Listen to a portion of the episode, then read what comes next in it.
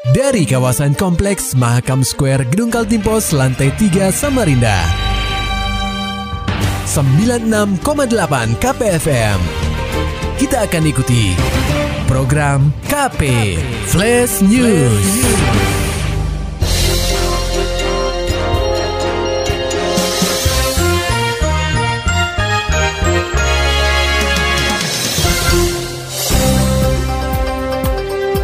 Pendengar KP, Samarinda cetak rekor PAD hampir 600 miliar. Wali Kota Andi Harun apresiasi kepatuhan masyarakat taati protokol kesehatan. Berikut laporan reporter KPFM Samarinda, Maulani Al-Amin. Pendengar KP, Wali Kota Samarinda Andi Harun menyebutkan, pada masa pandemi COVID-19, pendapatan asli daerah atau PAD justru meningkat. Sebelum pandemi, tren PAD Samarinda berada di kisaran 380 miliar rupiah. Namun saat pandemi melanda, Samarinda justru mencetak rekor PAD nyaris 600 miliar rupiah.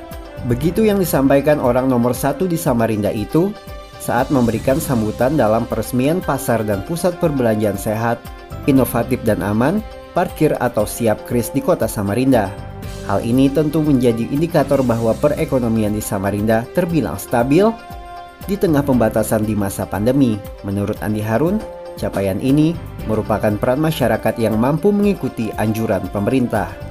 Penerapan protokol kesehatan masyarakat PPKM membuat tidak kita harus mengeluh, protes, tetapi justru dengan adanya pengetatan PPKM seharusnya pemerintah dan seluruh stakeholder pembangunan ekonomi mampu menciptakan inovasi yang kreatif bagi pemerintah kota agar keadaan dan kegiatan ekonomi masyarakat tetap berjalan.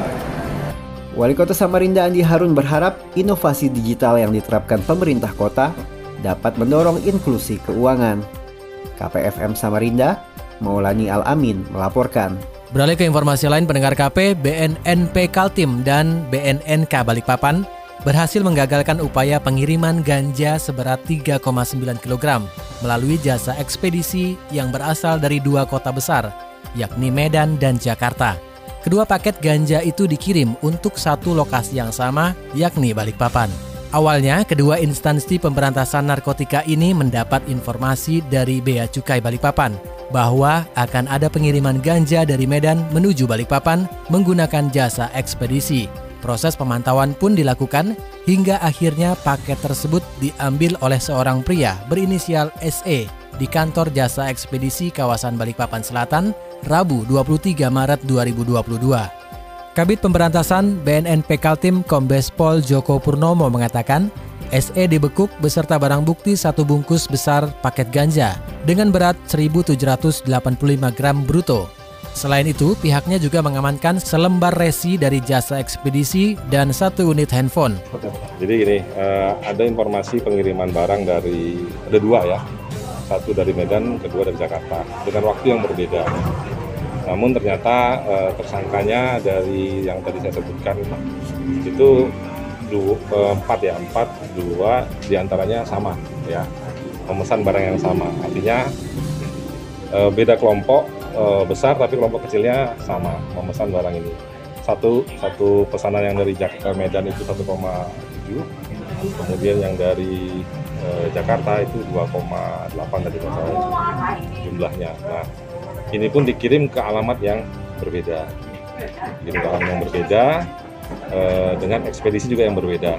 Atas informasi itu, petugas berwajib langsung bergerak membekuk RY yang diketahui berperan sebagai penghubung dan AS selaku pemilik dan pemesan paket tersebut. Meski awalnya mengaku hanya sekali melakukan pemesanan, usut punya usut ternyata dari keterangan mereka telah tiba paket ganja dari Jakarta di sebuah rumah kawasan Balikpapan Selatan pada Rabu 30 Maret 2022. Joko menerangkan, saat mengecek kebenaran informasi tersebut, ternyata memang benar ada satu paket besar lagi berisi ganja kering dengan berat mencapai 2.181 gram bruto yang dikirim pula melalui jasa ekspedisi. Namun narkotika golongan satu ini merupakan milik RY, sementara SE bertugas sebagai perantara dan pengatur barang untuk dipecah. Awal yang kita dapat itu yang dari Medan. Nah, karena dari Medan, kemudian pada saat kita interogasi, yang ini mengakui dia juga masih lagi ada kiriman barang yang juga akan dikirim, tapi dengan ekspedisi yang berbeda, dengan waktu e, nyampainya juga mungkin berbeda. Nah, dia akui iya, setelah kita cek ke tempat e, rumah tersebut, benar ada barang itu. Tujuannya Samarinda ya? E, Balikpapan. Ini Balikpapan, ini tangkapan di Balikpapan. Kalau untuk peran-perannya sendiri? E, perannya ada pemesan, ada penghubung, ada penghubung itu pasti yang beli yang ke sana, uh, ada pemesan, uh, pemesan itu maksudnya ya dia bersama-sama memesan barang itu uh, karena dipecah dibagi sama mereka. Lebih lanjut pendengar KP, Joko menyatakan akan terus mengembangkan kasus ini untuk membongkar jaringan narkotika asal Balikpapan tersebut. Selain itu, ketiga pelaku ini akan dijerat dengan pasal 111 ayat 2 pasal 114 ayat 2 serta pasal 132 ayat 1 Undang-Undang Nomor 35 Tahun 2009 tentang narkotika dengan ancaman hukuman minimal 5 tahun penjara. Beralih ke berita selanjutnya, pendengar KP sebagai upaya membantu masyarakat menyelesaikan perkara di luar pengadilan, Samarinda menyediakan rumah restoratif Justice yang berlokasi di area Taman Samarinda, tepatnya di samping Museum Samarinda. Rumah Restoratif Justice sendiri diresmikan langsung oleh Kepala Kejaksaan Tinggi atau Kajati Kaltim Deden Riki Hayatul Firman dan dihadiri langsung oleh Wali Kota Samarinda Andi Harun pada Rabu 18 Mei 2022.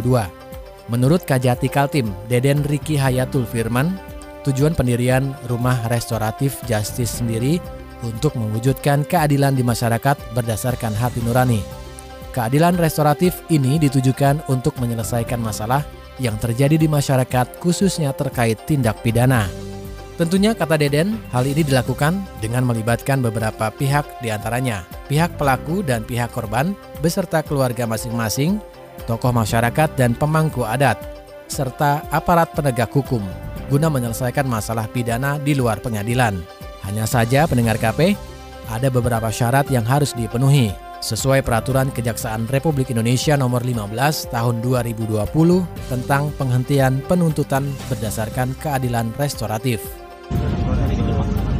Yang pertama dilihat oleh kejaksaan apakah pelaku ini baru bersalah atau tidak.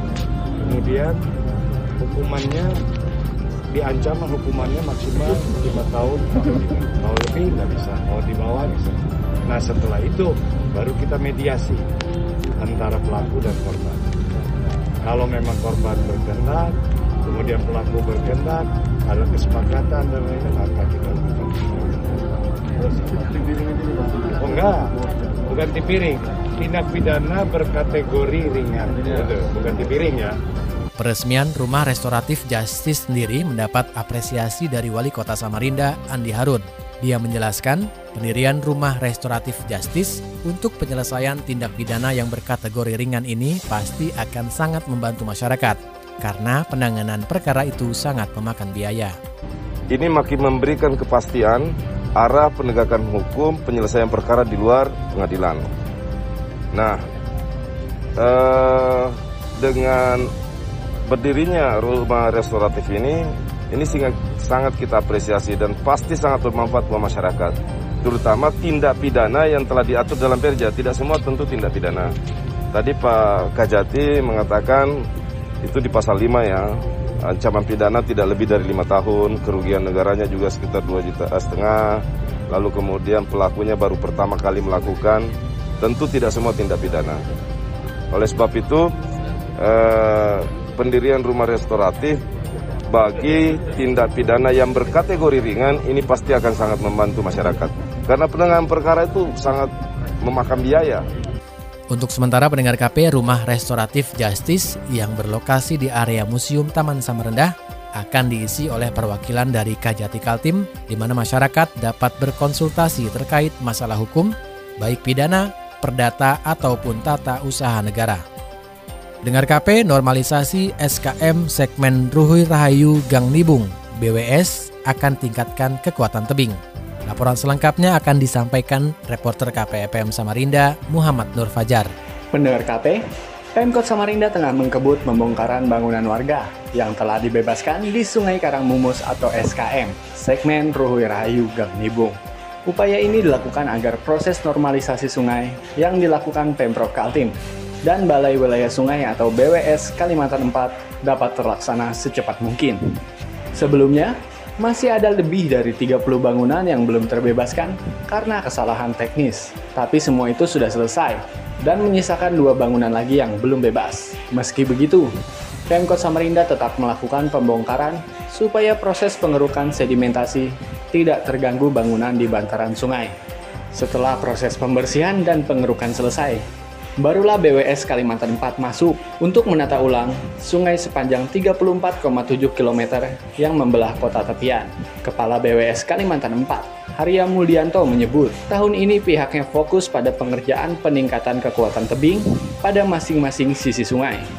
Harya menjelaskan bahwa sejauh ini proses pengerjaan yang sudah dilakukan pihaknya tergolong aman dan terkendali semua itu tidak lepas dari peran seluruh pihak yang saling berkolaborasi untuk menangani permasalahan banjir di Samarinda. Uh, sekitar 8 bulan ya, nanti sampai dengan akhir tahun. Uh, untuk uh, segmen dari Rahayu dan Ibung ya. Jadi tahun ini kami melaksanakannya untuk perkuatan tebing ya, untuk menormalisasi uh, alur sungai Karangmumus. Ya. Sudah terkontrak, kami juga sudah bersiap-siap uh, bekerja sambil menunggu ini proses uh, uh, penyiapan lahan yang dikerjakan oleh kawan-kawan dari Pemprov. Ya, kalau pembebasannya kan sudah dilaksanakan oleh Pak Wali ya. Nah, untuk uh, pembongkaran segala macam Pak Wali sudah lakukan dan pengurukan alur juga dilaksanakan oleh teman-teman dari Pemprov. Jadi artinya ini semua pekerjaannya kolaborasi ya. Saat disinggung apakah pengerjaan peningkatan kekuatan tebing dapat beriringan dengan proses pengerukan, Harya menegaskan bahwa hal itu tentu saja dapat dilakukan, karena skema pengerjaan itu sudah pernah dilakukan di segmen pasar segiri. Saat ini, seluruh material sudah masuk, sehingga BWS Kalimantan 4 tinggal menunggu pembersihan lahan agar proses penataan dapat dilakukan. KPFM Samarinda, Muhammad Nur Fajar melaporkan. Maulani Alamin, Muhammad Nur Fajar, KPFM Samarinda. Dan dapatkan berita-berita lainnya pendengar KP dengan mengunjungi website kami di www.968kpfm.co.id. Demikian tadi telah kita simak rangkaian berita-berita yang terangkum dalam program KP Flash News. Persembahan dari 96,8 KPFM. Terima kasih dan sampai jumpa.